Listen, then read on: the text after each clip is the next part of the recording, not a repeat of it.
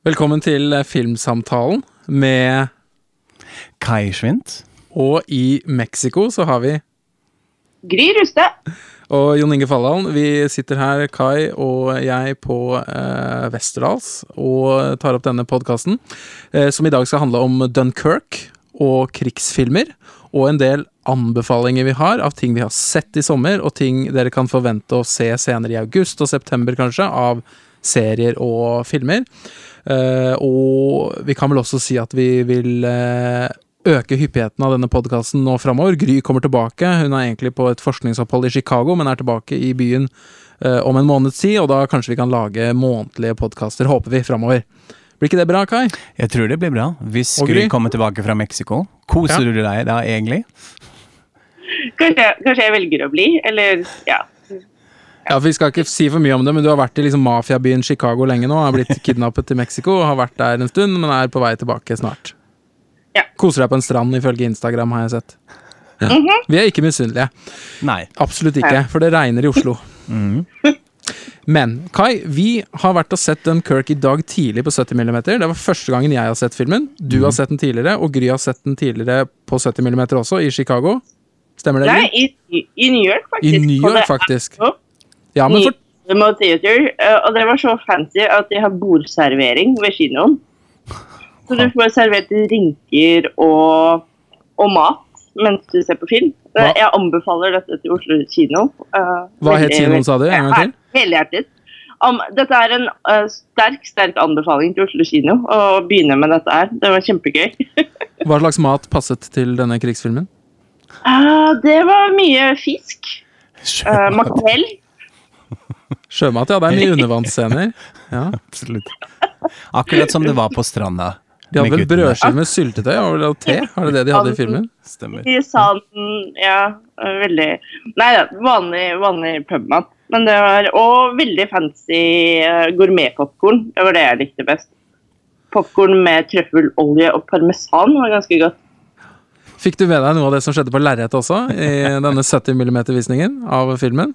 Eller var du mest opptatt av popkorn og maten? Uh, jo da, jeg fikk med meg filmen også. Ja. Det hørtes jo veldig komfortabelt ut. Var det gode seter og sånt da, kanskje? Ja, veldig. Veldig god plass til føttben og ja, rett og slett. Og så, var det plass sånn at folk kunne gå foran deg, sånn at du aldri måtte reise deg opp og sånn, for å slippe folk frem. Det var også ganske praktisk. Så veldig luksuskino i New York, altså. Ja, det hørtes veldig bra ut. Vi var jo på en litt sånn høflig og pen og stille og rolig pressevisning i dag tidlig, hvor vi også fikk de første 14 minuttene spilt da tre ganger, inkludert når filmen ble endelig satt i gang. Vi fikk først se den digitale kopien, og så fra 70 mm, og så en liten pause. Og så så vi hele filmen. Og det var uh, ganske fascinerende å se forskjellen mellom de ulike teknologiene.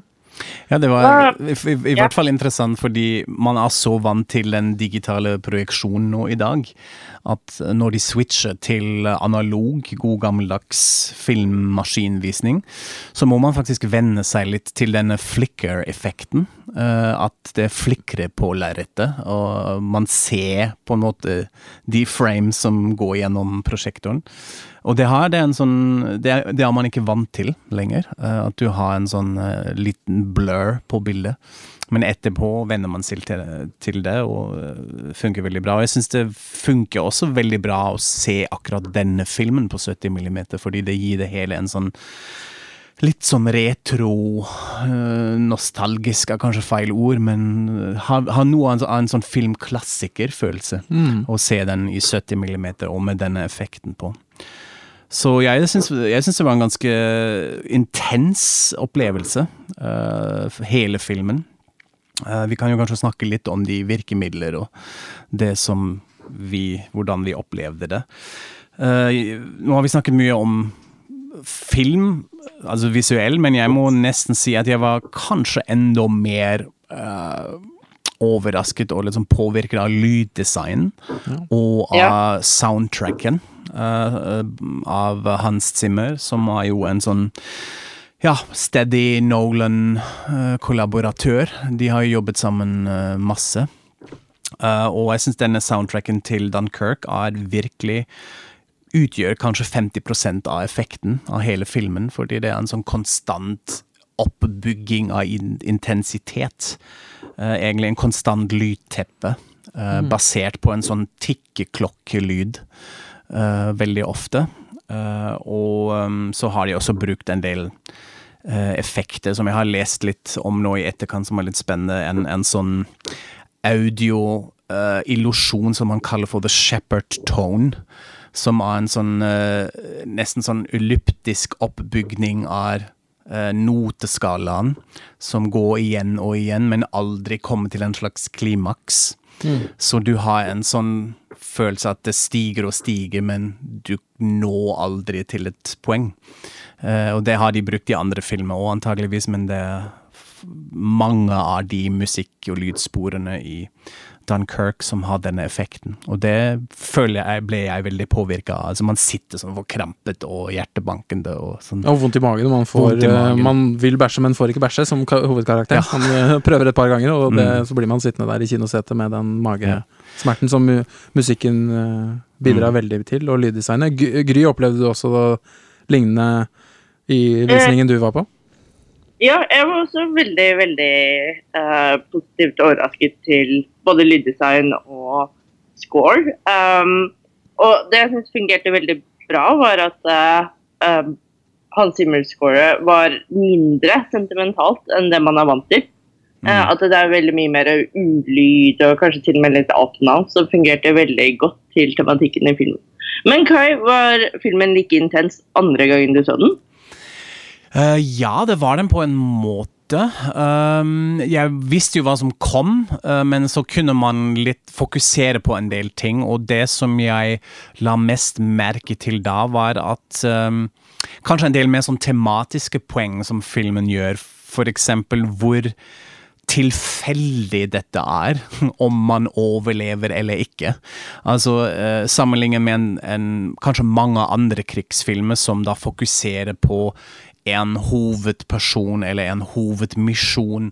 Så av Dunkerque består den egentlig av tre forskjellige plotlines, uh, som har også forskjellige tidsperspektiver. og Um, hvor alt virker veldig sånn tilfeldig. Uh, åpningsscenen av filmen ser vi jo fire-fem soldater løpende i gater, og fire ble skutt og en blir igjen, som da er, ok, er en av de hovedpersonene som vi følger med. Men det virker som det kunne ha godt vært noen av de andre. uh, og jeg tror det treffer veldig godt, uh, eller kommer litt sånn i nærheten av hvordan det må ha vært.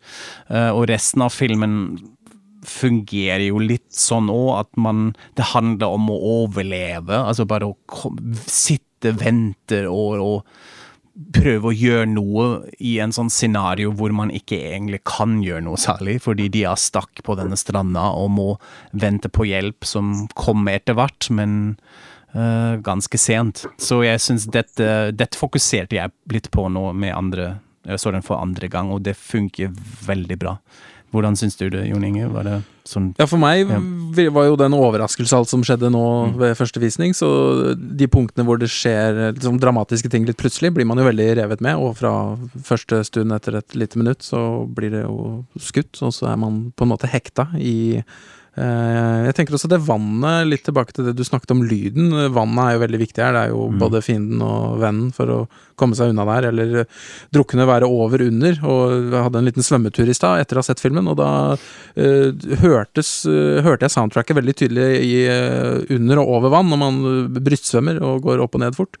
Så var det den derre Og så blir det borte, og så kommer det igjen en sånn ja, sånn pulserende litt sånn skremmende drukningsfornemmelse også, da, mm. i musikken, ja. som var veldig uh, ekkel å, å, kjenne på. Og også de flysireneaktige lydene, som jeg også assosierte mens jeg så uh, mm. og hørte filmen. Så en sånn vedvarende uhygge i i denne musikken som, som ligger der hele tida. og dette er jo, vi må jo også si, eller jeg syns dette er en veldig, veldig bra film av eh, Christopher Nolan. Den har jo fått veldig eh, gode kritikker. Eh, jeg likte jo også godt hans forrige film, 'Interstellar', mm -hmm. som traff meg sånn emosjonelt. Ja, jeg var jo Det er ikke så lenge siden jeg ble pappa etter jeg så den. Så jeg, jeg hektet meg på det melodramaet mellom far og datter, og at de var så langt fra hverandre som de gikk an. Og da, da var det liksom vanskelig å ikke være helt solgt. Men uh, du likte ikke den så godt, Sigrid? Nei, den syns jeg var oversentimental og tullete. Men jeg har e- vel egentlig aldri vært en sånn kjempe Christopher Nolan-fan. Altså, Jeg liker Batman-trilogien hans fordi jeg liker Batman. Og så liker jeg, har jeg funnet ut at jeg liker veldig godt de britiske filmene hans. Altså denne og The Prestige, som begge er veldig britiske. Eh, jeg tror jeg liker det bedre når han tar frem britene i seg, enn når han prøver å leke amerikansk uh, puzzle plot blockbuster filmskaper. Liksom, som lager liksom Browy-film for Rose. Ok. Jeg uh, syns at jeg likte, uh, jeg likte Inception ganske godt. Å oh ja, den likte ikke jeg. Uh, nei, da var jeg, sånn, var jeg veldig overrasket at han bare kjører på i en sånn Altså som en ikke noen franchise, bare kommer med en sånn original story og uh, kjører på. Så den, den, likte jeg veldig godt. Men ellers er jeg ikke nødvendigvis en Nolan-fan heller. Og jeg syns også at det var litt interessant å se her hva slags posisjon han har nå som en, egentlig en blockbuster-filmskaper. At er gans, har en viss sånn indie-logikk, eller en Altså Når man ser på hvordan plottet er bygd opp, jeg måtte liksom finne meg litt frem da. At det er, litt, at det er tre forskjellige historier egentlig som er vevet sammen ikke lineær, men det er litt sånn frem og tilbake-hopping, og eh, man har Jeg hadde litt problemer med å skjønne tidsperspektivet i begynnelsen. Hvor jeg tenkte ja, altså, det er litt eh, Det krever litt. Jeg ser, ville gjerne ha vært med i de møtene når de Hollywood-produsentene fikk manuset, og hva de syntes om det først. Så det syns jeg litt, eh, var litt bra, at han kjørte på med den litt mer sånn twisted tilnærming til det. Ja, jeg tenkte at Dunkirk er jo litt sånn um, kunstfilmens uh, krigsfilm. Ja. Hvis man tar listen til David Borwell f.eks., så har jo uh, filmen har jo egentlig ikke noen sånn derre uh, karakterutvikling, eller det er bare mer hendelser som er satt sammen og skjer, mer enn at det faktisk er en koherent, selvstendig historie som går igjennom, og kausal historie. Altså, man har jo krigen, altså det som skjer på stranden, skaper jo en slags et narrativ. Men hvis man sammenligner med andre krigsfilmer, f.eks. Um, 'Saving Private Ryan', og sånn, så er jo denne filmen veldig lite sentimental. Den har veldig lite karakterutvikling. Eh, og den, som du sier, Kai, er ganske forvirrende, og den er ikke-lineær og um, så det er en del uh, Så han bruker en del av disse kunstfilmgrepene i krigsfilmsjangeren, som jeg syns er veldig interessant. Mm. Og det gjør noe med den opplevelsen. altså Det er jo egentlig en ganske smart move at man uh, prøver å gjenskape litt av den forvirringen som man må ha opplevd muligens da på stranda, mm. eller å være en del av dette, når du rett og slett ikke vet hva som skjer og når.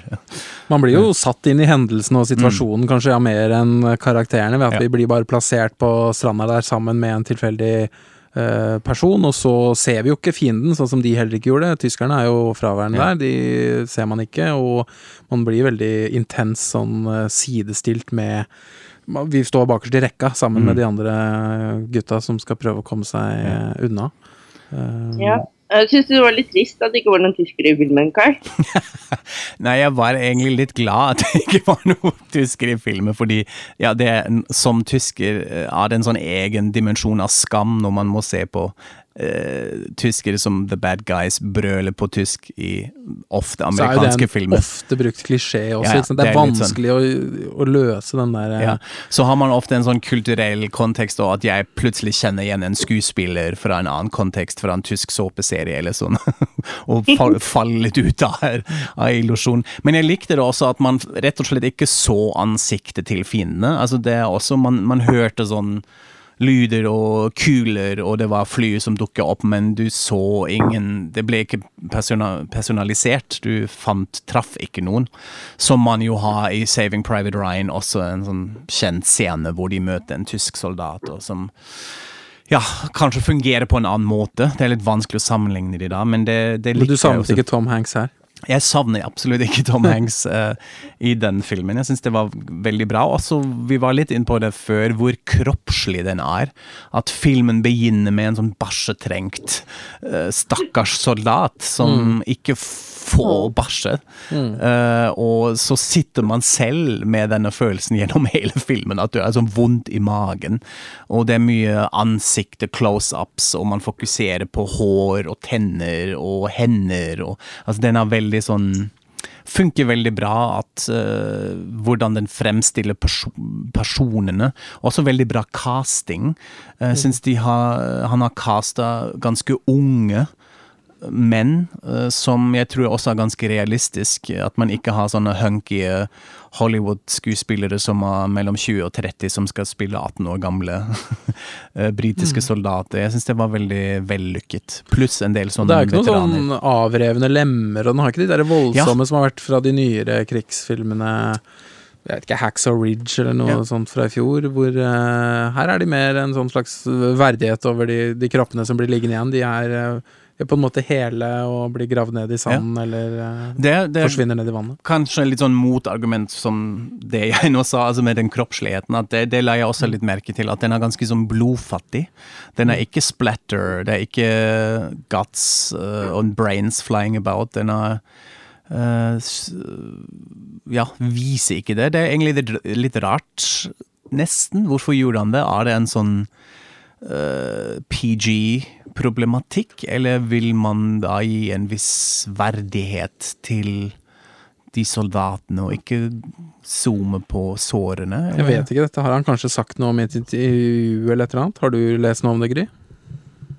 Uh, nei, men jeg kan jo tenke meg at uh, veldig mange av de som dør i filmen, dør jo av drukning. Uh, og det er jo en litt annen måte å dø på enn å dø av å bli skutt i filler eller av å bli um, bombet. Mm. Så jeg, jeg, ser jo også for meg at det er en naturlig forklaring på at det ikke er så mye uh, avrevne lemmer og sånn som i en del andre krigsfilmer. Ja, stemmer. En ting som uh, du Jon Inge og jeg snakka om rett etter filmen, som jeg har tenkt litt på, er det er det egentlig litt rart at krigsfilmer i seg selv har en sånn egen estetikk? Altså at man nesten også sitter og tenker ja, dette er også litt vakkert å se på. Mm. Det er noen pene bilder, eh, og at man har gjennom filmhistorien da på en måte skapt en egen krigsestetikk. Hvordan film blir fremstilt. At det kan være fint og spennende å se på og sånne ting. Eh, og da syns jeg at Dunkerque også full av vakre bilder, mm. sånn på godt og vondt. Ja, den er jo ja. veldig sånn gjennomkomponert, og et mm. av de mm. tidlige bildene hvor bombene kommer mot ja. han i et nærbilde hvor han ligger på stranda, så det, det, treffer jo i magen og reiser gåsehuden, vil jeg tro, på de fleste i kinosalen mm. da, og eh, mye diagonaler og mye lange rekker og rader, og veldig, veldig store bilder hvor det lille mennesket er ved det store havet, eller eh, mm. det lille flyet, eller et eller annet. Eh, men Gry, du var i ferd med å si noe? Ja, det har jeg glemt. Men de er jo, eh, det er jo selvfølgelig når man velger også å skyte på 70 mm, så er det jo mm. å velge å gjøre noe litt sånn storslagent, da, som han også gjorde i Interstellar. Uh, så var jo for eksempel Tarantino, han gikk jo en annen vei. Han lagde jo et kammerspilldrama inn i en ja. hytte, stort sett, på 70 mm. Så man kan jo gjøre det for de store nærbildene av uh, ansikter også. Um, og vi må jo også si at denne inngår jo da i det er månedens film på Cinemateket i Oslo i uh, august, og så er det 70 eh, mm-festival også, uh, mot slutten av måneden og over i september, med annet noen spennende østtyske propagandafilmer. Så det er siste gangen man kan få sett. Så sjekk ut programmet. Og Sound of Music og mm. litt forskjellige spennende ting. Ja, noen crowd pleasers. Absolutt.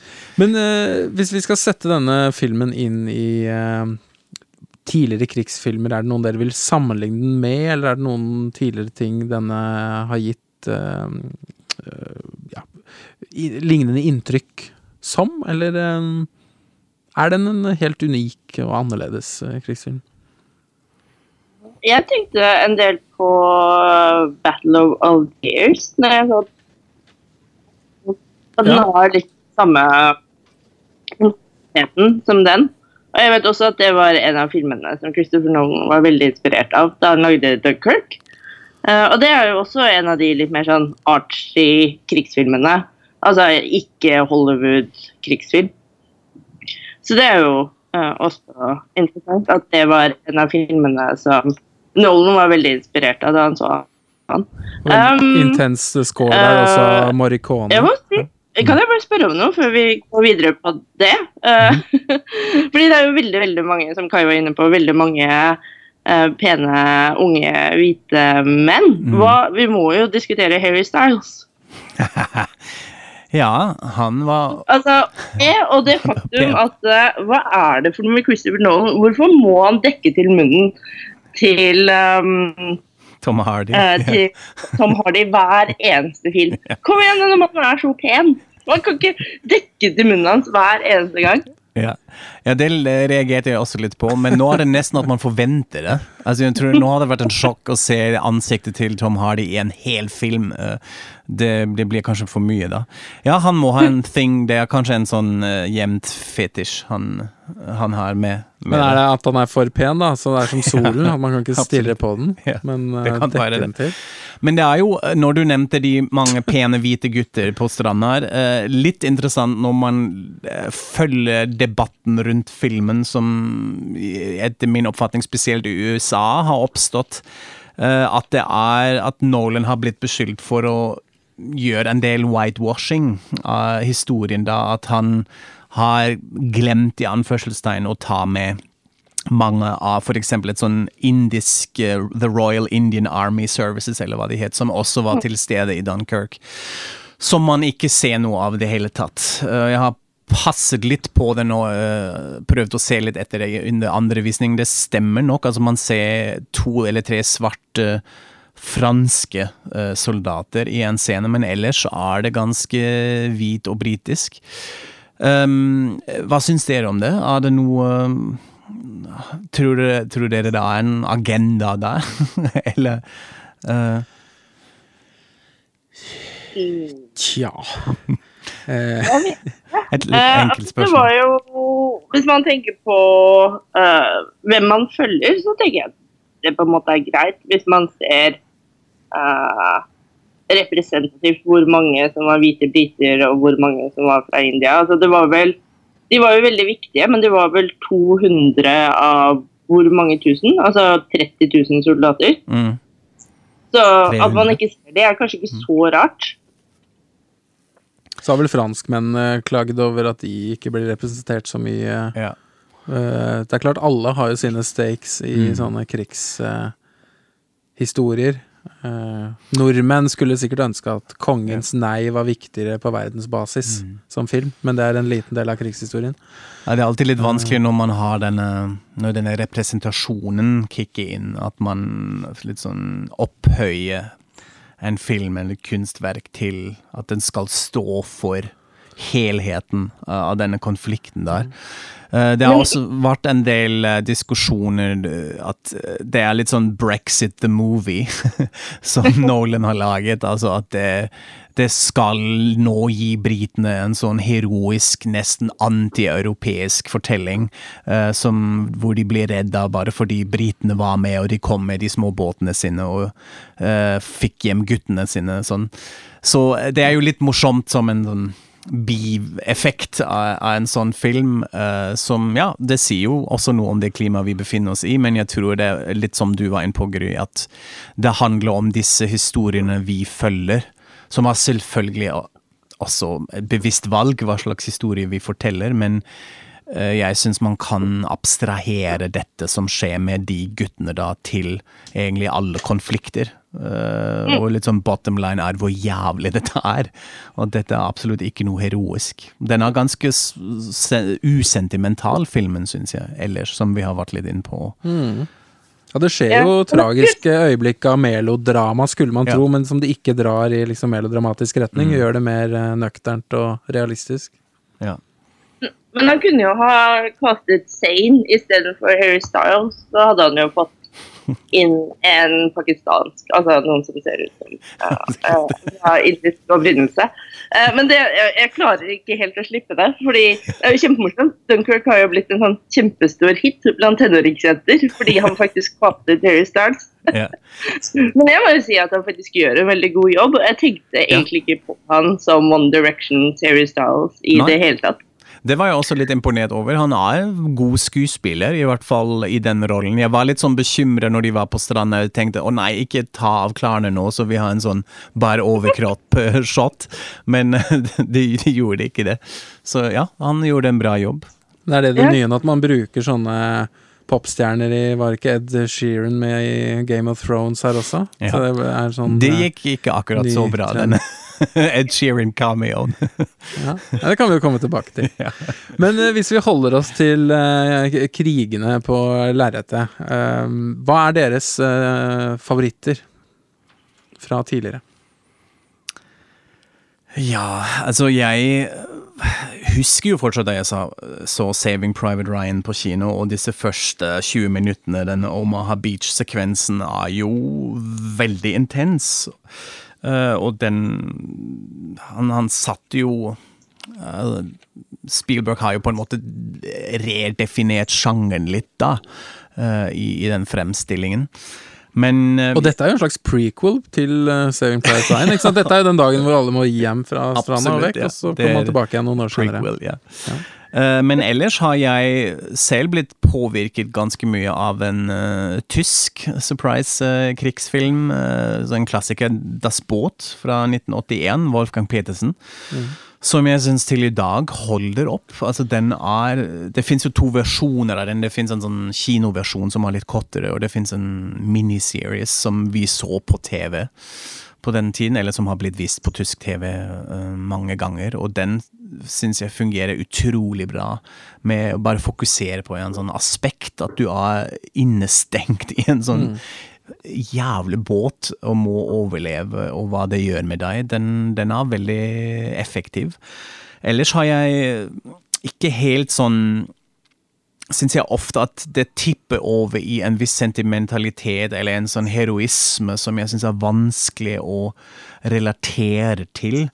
Altså, jeg må si at de to TV-seriene produsert av Spielberg og Tom Hanks, altså Band of Brothers og The Pacific, fungerte ganske bra. Spesielt Pacific syns jeg var forbausende fæl på en bra måte. Altså, apropos antikrigseffekten, dette funker veldig bra. Um, men av de nyere syns jeg det er ofte litt sånn altså litt sånn Black Hawk Down, for eksempel, av Ridley Scott, som har en sånn egen voldsestetikk som man blir litt lei av uh, ganske fort.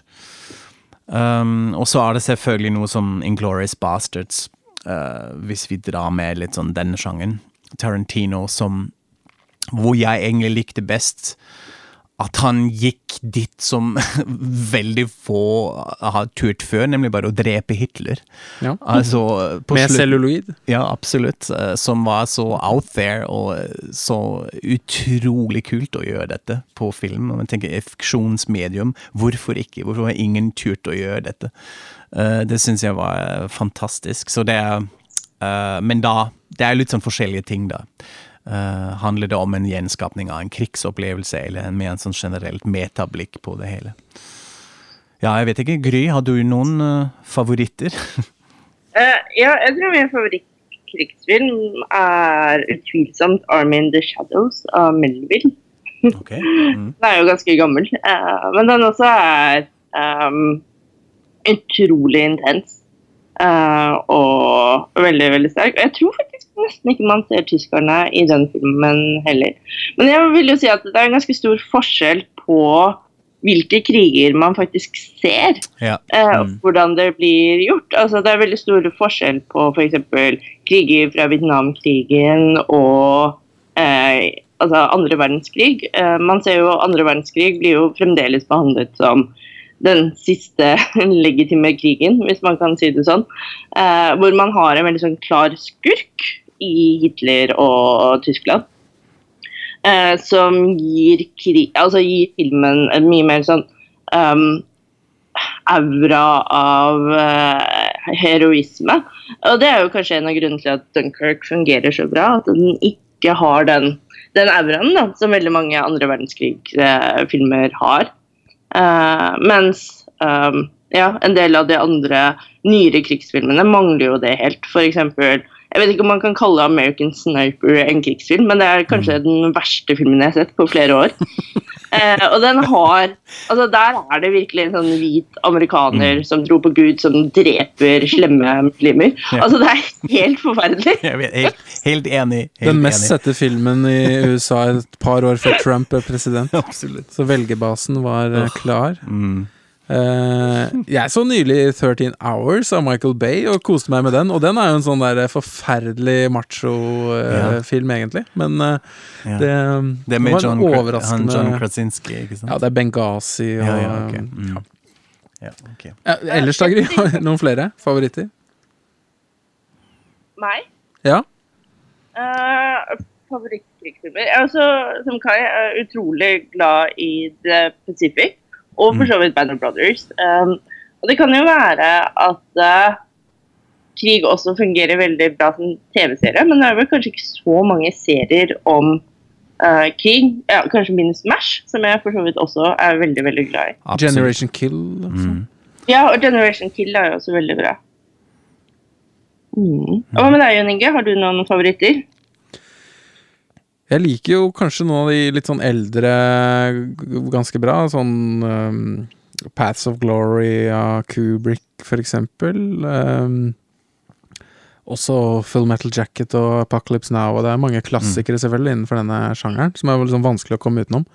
Men en som kanskje ikke er så kjent, som kanskje kan være verdt å nevne, er jo den dokumentaren som John Houston laget i 1946, 'Let oh, ja. There Be Light', ja. mm. som handler om posttraumatisk stress for soldatene etter eh, akkurat de bildene De soldatene som kommer hjem etter det vi har sett i Dunkerque, de blir sånn.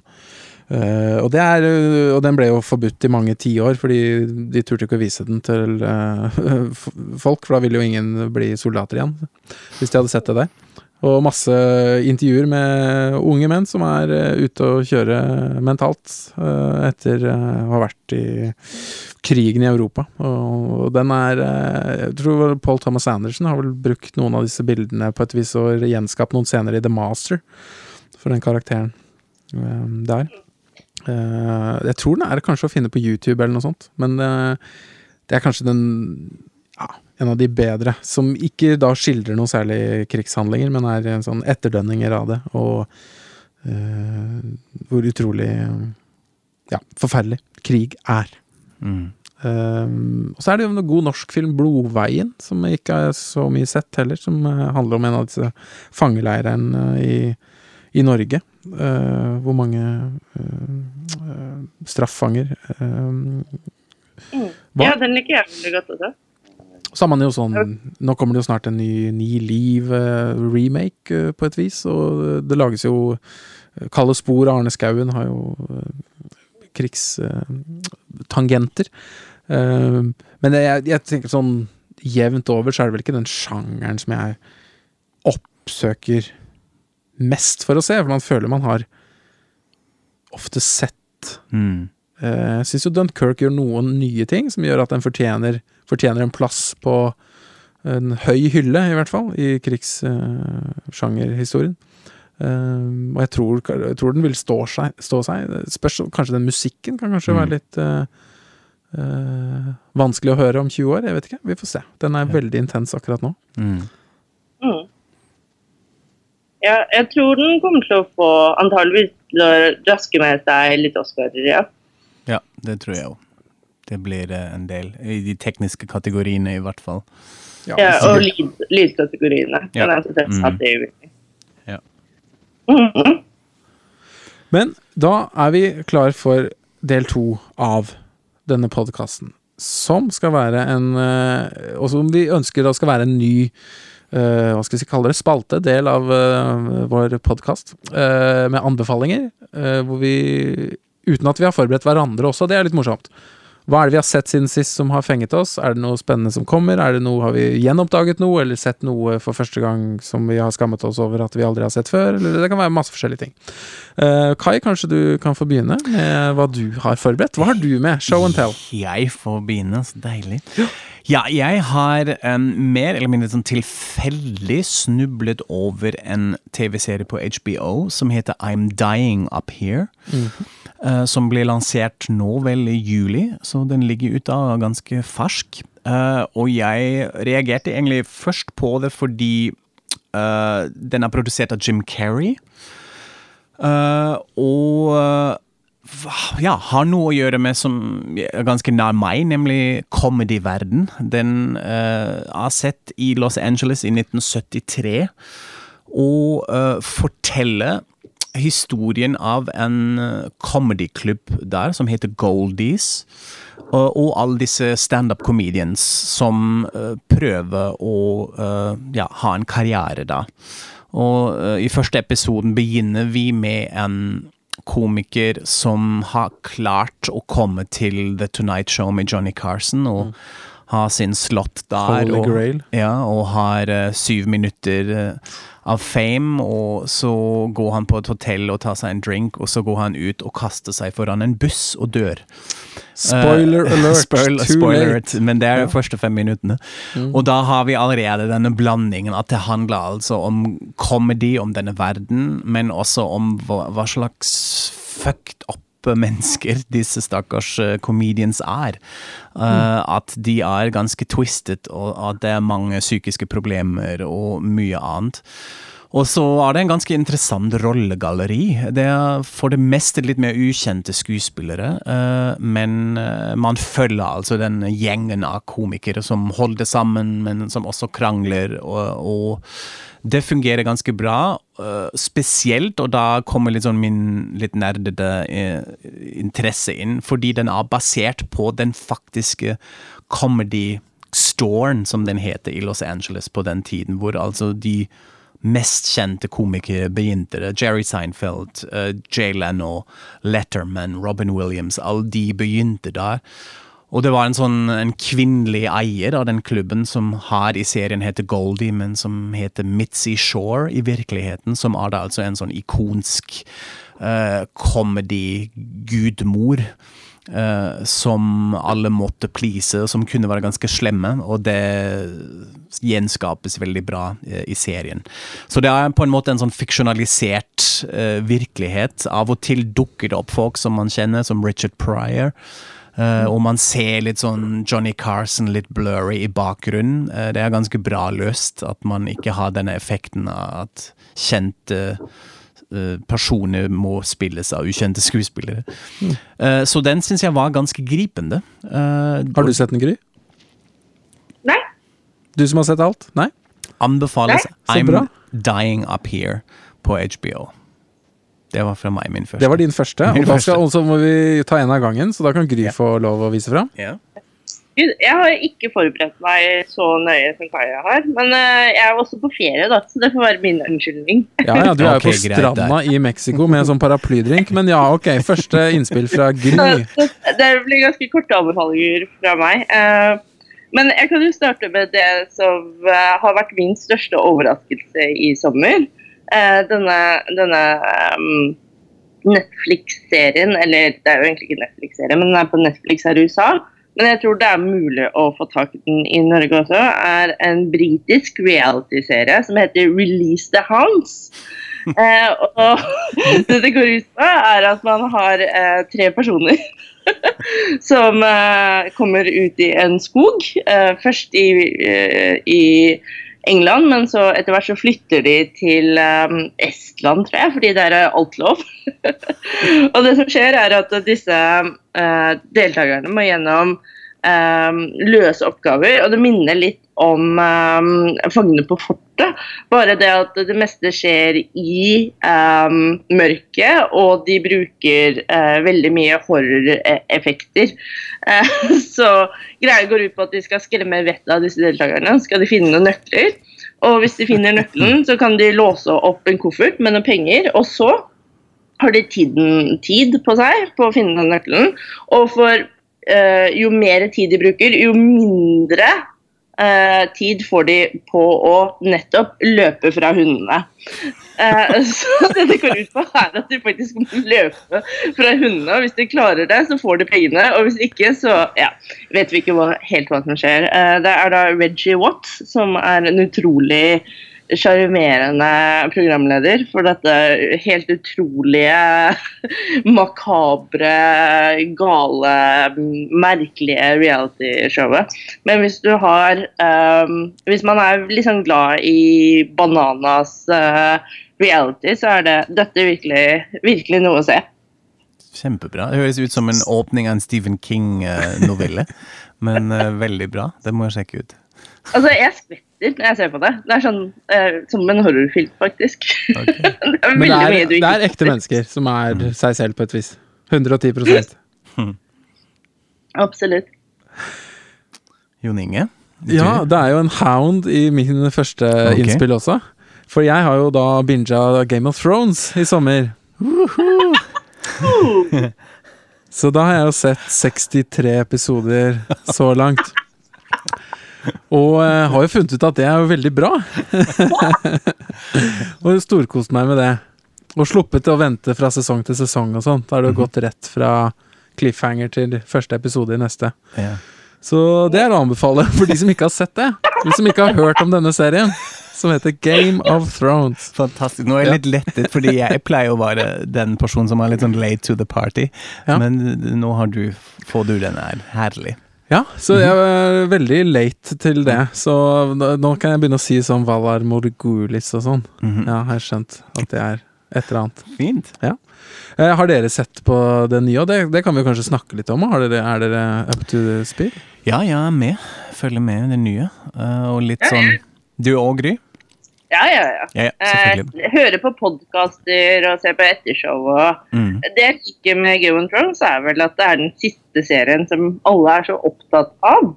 Ja. Eh, og som jeg også merker at jeg blir helt sånn revet med i, og må lese recaps og, og sånn fremdeles. Også fordi det fremdeles er en del bakhistorie som jeg ikke har uh, peiling på. Jeg syns en interessant ting som Jeg har jo ikke hørt på noe særlig sånn podkasts og lest recaps og sånn om det, og hatt en veldig sånn privat og bare binga det for meg selv. Mm -hmm. Så nå er det første gangen egentlig jeg snakker med noen om det. Men noen av, de, noen av de spennende tingene etter å ha sett alt i en sånn uh, go, eh, som har skjedd i denne sesongen, som er nå, de tre episodene, er jo at det er, det er ganske lite sex.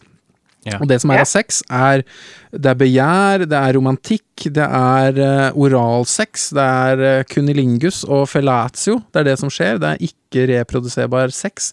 Det er veldig fint med Grey Worm og Miss Sunday, uh, mm. Evnukken og uh, hun som De får sin virkelig sånn candlelit uh, mm. softcore-scene med Uh, ja, nesten feministisk sexgry, er ikke det første gangen omtrent? Uh, kanskje John Snow i sesong eh, to, da, med hun uh... Det er også mange mutilated penises. Altså det er masse ikke-fungerende peniser der òg. Ja. Så, Så nå, nå, er det et slag for at det går an altså, Man kan ha sex uten en erekt penis. Det er jo også en bra ting, kanskje. Ja, altså Matt Solarsites har jo ment at og, og flere er jo enig med han at man fordi Game of Thrones er Game of Thrones, så har de på en måte uh, played the long game. Altså fra å vise veldig mye vold mot kvinner, uh, hvor det er veldig undertrykt, til at nå så er jo kvinnene faktisk i kontroll. Altså bare se på Og de tar mer og mer kontroll. Sansa Cersei er plutselig dronning. Eh, Daenerys kommer og kommer til å antageligvis til å bli dronning. Eh, eller bare en liten karakter, og da mener jeg bokstavelig talt liten, som Ilana Mormont, eh, som eh, shamer hele alle disse barske mennene fra nord til å støtte John Snow. Uh, så det er, og Du ser det også i måten de kler seg på. altså Disse kvinnene har jo nå mer sånn uh, fra de første sesongene hvor de har veldig sånn myke, fine klær, til liksom Cersei i sin korte hårfrisyre og liksom uniformaktig mørke um, kjole til Daenerys, som fra liksom hvit og flytende um, kjoler til mer uniformlignende uh, ut, uh, kostyme. Da. Uh, så det er veldig sånn tydelig at det er en overgang her, og og en annen sånn callback er jo hvordan Cersei uh, Eh, tar og forfører Jamie i den siste episoden. Vi burde jo faktisk legge ut en spoiler-warning her, kommer jeg på. Oh, ja. da, det, det, må jo være skrevet under denne saken, ja. så det må være greit. Ja, ja det får være greit. Ja, for Hun går jo ned på sin bror der i samtykkende incest. Ja, uh, men hvor han først sier nei, som ligner litt på den scenen hvor de har sex eller hun blir voldtatt av Jamie. Uh, folk er jo uenige om det. Eh, etter at um, Joffrey dør. Så det er definitivt en veldig interessant utvikling i Game of Thrones, synes jeg, når det kommer til kjønn og kjønnsroller. Ja. Helt klart. Hva er, eh, Hvis vi skal bare lukke den bagen før vi går til neste favoritt, hva, hva er favorittkarakterene deres og sånn? Det er jeg litt spent på. Det har jeg ikke snakket med dere om. Hvem er det dere liker best, eller? Oi jeg, har, jeg liker egentlig Cersei. Fordi hun er så gjennomført fal. Hm. Uh, og kul samtidig. Er det fordi du er tysk? Nei? Sikkert. Siden, vi, siden, du snakker for første gang om det. Det har en litt psykologisk preg over det, så kan jeg, nå må jeg forske litt i det. Det er sikkert fordi Det var en spøk. Ja, nei, nei, jeg skjønte det. Ah, ja, jeg spøker ikke fordi jeg har ikke noe humoristisk sans. Eh, men jeg tror jeg er en Cersei-fan, ja. Hva med deg, Gry? Um Altså, jeg har jo Jeg liker sånn Aria og Tyrion og, og sånn som veldig mange andre, men uh, Olena og Ilana og Bron tror jeg kanskje er mine favorittkarakterer. Altså liksom de karakterer, men som jeg alltid blir veldig glad for å se. Hva med deg? Ja, siden Gry akkurat nå sa at det var kjedelig med Tyrin og Aria, så Kanskje The Hound, da. Det var mine favorittkarakterer, men det er litt sånn opplagt. Er det. det er jo ja. favorittkarakteren til veldig mange. Ja. Jeg kjenner meg jo veldig igjen i han kortvokste, på et vis. Mm -hmm. det kanskje ville vært sånn hvis man skulle vært i det universet der, på et eller annet vis. Mm -hmm. å, ja. Hvis man overlever, da. Men ja. The Hound har jeg blitt veldig glad i, da. Han liker jeg. Særlig etter han hadde den der eh, med Swear Engine i, fra Deadwood, eh, i den koselige kristne forsamlingen, eller hva det var. Ja. Han hadde kanskje hatt den største karakterutviklingen av alle karakterene, tror jeg. Ja. Det kan man si. Mm. Men Kai, din uh, Går vi videre? Ja, nå Anbefalingsrunden. Ja. ja, jeg lover å ikke si så mye som, ja. uh, om den første, men det er en film som jeg nå så på. Vi har jo snakket litt om en sånn ny bølge av skrekk. Uh, sånn samfunnsrelevant skrekk, som vi kalte det, og da diskuterte vi Get Out. Uh, og nå har jeg sett uh, It Comes At Night, en um, amerikansk film av uh, en regissør som heter Trey Edward Schultz. Som fortsatt går på kino her i, i, Norge, i hvert fall. Som er Som jeg også syns var veldig intens og veldig, veldig bra. Det er på en måte en sånn postapokalyptisk dystopi, for å bruke flere buzzord.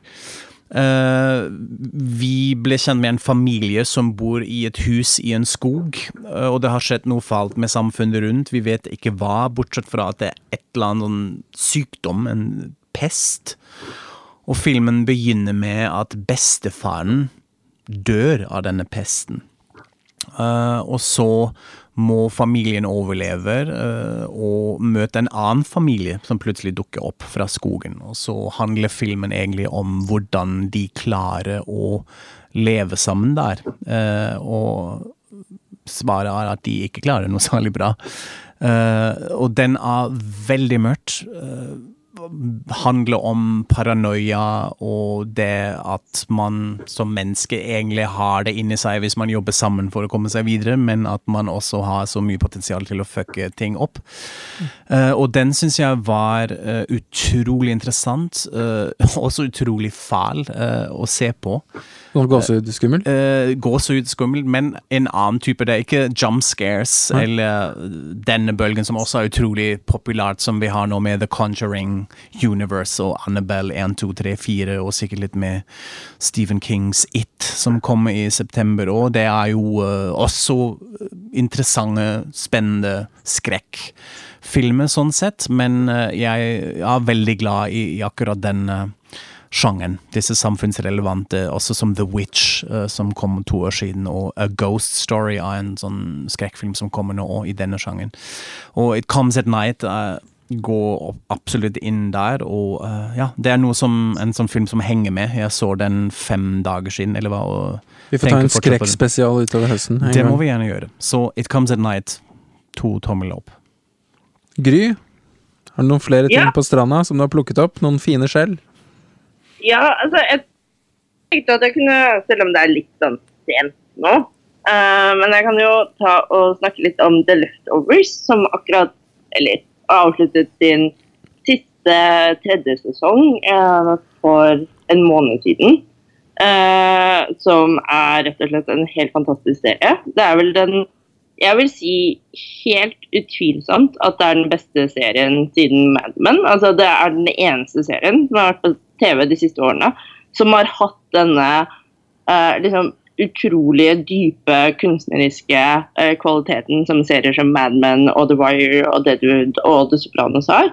Mm -hmm. um, utrolig innovativ, utrolig interessant. Uh, fantastiske karakterer. Altså, det handler om at plutselig så forsvinner vel 2% av jordas innbyggere de bare forsvinner i løse luften.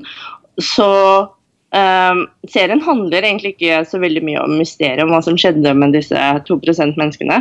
Men det handler mer om hva som uh, konsekvensene for de som overlevde, og hvordan de takler det. Uh, og hvordan uh, mennesker takler sorg og møte med det uvitende. og den er bygd opp altså Det er Damon Lindloff, som også har lagd Lost, som har lagd denne serien. Um, eh, så den har litt av den samme oppbygningen som Lost, altså at hver episode har en sånn point of view-karakter.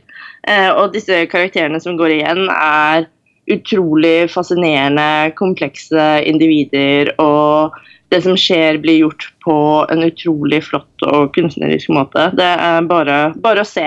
Første sesongen er ganske deprimerende, for å si det sånn. Det er... Men det blir bedre og bedre. Det er, eh, det er helt fantastisk TV-underholdning. Du får det ikke bedre enn det akkurat nå. Jeg syns også, jeg synes jo første sesongen var ganske svak, men sesong to og tre syns jeg var helt strålende. Så virkelig anbefaler det sammen med Gry. Jeg har også sett det på din anbefaling. Men jeg sleit litt med den første sesongen. Jeg fikk aldri ja. helt fot på de der røykende, hvitkledde folkene. Den uh, klarte jeg ikke å bli med på. Når de var så Nei, dominerende. Den er, er men uh, hvis man kommer seg gjennom den, så er andre og tredje sesongen Og det er vel også det at første sesongen er ikke den basert på en bok, og så er de liksom i friluft og kan skrive sin egen serie etter det? Det er vel noe sånt som skjedde? Stemmer det? Jo, ja. uh, det stemmer. Uh, men jeg har også tenkt på serien som hvordan folk går igjennom disse fasene av sorg. og det er jo også en grunn til at det letner litt grann, da, de siste, siste sesongene. Eh, og så hjelper det jo også at de forflytter seg til nye eh, lokasjoner og steder. Det tror jeg også hjelper mye.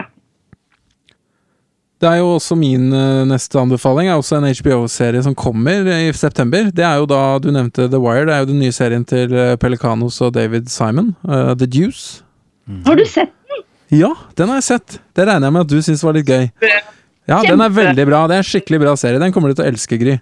Det er jo uh, The Wire møter Tremé og The Sopranos og litt Ron Jeremy i en sånn fin uh, blanding av uh, eh, 70-tallets pimps, prostitutes and porn. like ved Times Square så er det James Franco som spiller to tvillingbrødre i litt sånn split screen, som er veldig godt gjort. Maggie Gyllenhaal spiller en prostituert. mye kul musikk.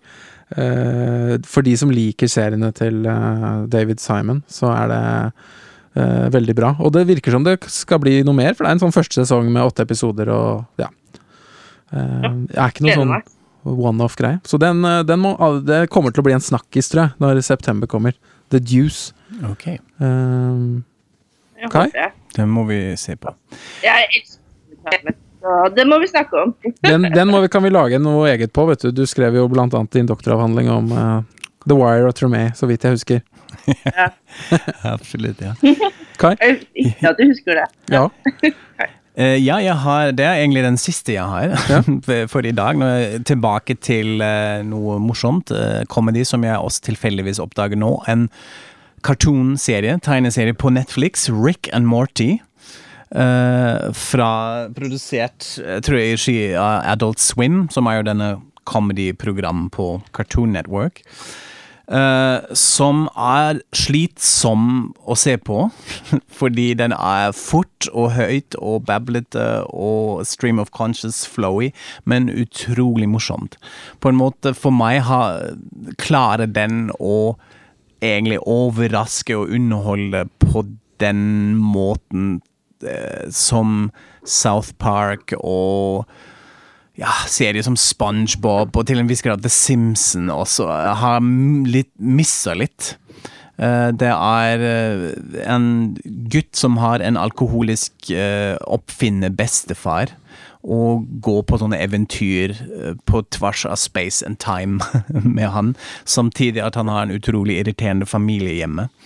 Eh, Det er veldig politisk ukorrekt, sånn eksistensialistisk, anarkistisk, weird comedy. Uh, og jeg koser meg veldig med den. Uh, tre sesonger ligger på Netflix, uh, sånn 20 minutter episoder. Med av og til en del kjente guest stars som John Oliver og sånn, som, som dukker opp. Eh, anbefales veldig. Gry, har du noe mer? Jeg har fått den anbefalt av flere. Jeg har store planer om å se den etter hvert. Rick and Morty. Mm. Eh, Jeg tenkte at jeg skulle slå sammen to som er mer sånn anbefalinger om hva som kommer, og hva jeg gleder meg til nå, da. Uh, og det er Jeg vet at Top of the Lake, China Girl, eh, ligger nå ute på BBC, så det er min store plan å se den når jeg endelig kommer meg til et sted med litt bedre internett. Uh, Første sang sesong der var jo fantastisk. Det var jo en av de beste seriene fra de siste årene. Ikke sant? Uh, så, her, eh, så jeg gleder meg utrolig mye til å se den. Mer Elisabeth Moss er alltid bra. Eh, så det blir helt topp. Og så eh, Nå snakker jeg som at alle vet eh, hva Body Lake er, men det er det kanskje ikke alle som gjør. Eh, men det er jo da Jane Campion som lagde en krimserie, men som egentlig ikke er en krimserie eh, fra New Zealand eh, med Elisabeth Moss i hovedrollen, som vel egentlig handler om vold mot kvinner. Utrolig vakker og flott serie, eh, som definitivt er verdt å se. Eh, og så regner jeg med at Top of the Lake, China Girl, også er verdt å se. Eh, den andre anbefalingen er at siste sesong av serien Halt and Catch Fire kommer tilbake i USA nå i august. Det er da siste sesongen. Uh, Holden Catch Fire begynte som en litt sånn teit 80-talls IT, nå skal vi lage Mad Men eh, på nytt. Eh, første sesongen ikke så veldig bra. Andre sesongen så flytter de fokus og lokasjon og skaper en helt ny serie. Hvor de begynner å fokusere på de to kvinnelige karakterene i serien. Hvor de starter sitt eget IT-selskap. Eh, og de har gjort utrolig mye med disse karakterene, og da spesielt de to kvinnelige karakterene. Gitt utrolig mye dybde, kompleksitet. Um, en veldig, uh, veldig bra serie som anbefales. Jan Inge? Ja. Eh, Jeg får slå sammen litt, jeg også, for jeg har sett så utrolig mye rart eh, på disse sommerkveldene som har vært. Um, Vi snakket jo sist gang litt om uh, Twin Peaks, som ikke hadde begynt. Eh, Twin Peaks The Return går jo nå på uh, HBO her eh, eh, i Norge. Jeg syns det er eh, helt fantastisk. Eh, David Lynch på sitt eh, ypperste, og hals og hode over alt annet jeg har sett av filmer eller serier i år, syns jeg. Jeg vet ikke om dere følger den når den kommer til episode tolv? Nei, ikke. Jeg er fortsatt stakk i min første viewing av den eh, opprinnelige Twin Peaks, så jeg er super late til denne partyen. Ja. Gry, har du sett noe på det? Nei, jeg skal prøve å se den, men uh, jeg, jeg, du, du vet, jeg liker Twin Peaks så godt. Så. Nei, men du trenger ikke å like den første Twin Peaks for å like dette, skjønner du. Men du bør kanskje like litt av David Lynch. Det er klart. Men uh, det er en del uh, Hvis man lurer på hvordan det står til med den nordiske filmen, så er det en del bra ting som er på kino nå, og som kommer snart. Uh, premiere i dag mens vi snakker, har uh, Aki Kaurismekis, Den andre siden av håpet. Mm, ja. Veldig bra finsk flyktningkomedie. Eh, finsk flyktningkomedie. Eh, så kom jo The Square, Ruben Østlunds film, på kino i september. Som også er en uh, hans beste hittil. En strålende med Elisabeth Moss også i en av rollene. Og uh, en av de mest eh, givende scenene jeg har sett i år, med en sånn ape-imitasjons-performance-kunstner. ja, den gleder jeg meg veldig til. Mm. Så den må jo alle se på kino i yeah. september. Og så kommer jo Joakim Triers 'Thelma' på kino i september. Hans uh, thriller om eh, også litt universitetsliv for oss som har, eh, jobber, jobber der. Hvor Ja, det er bilder fra Blindern. Og Mm, sånne ja. ting. Uh, det er morsomt.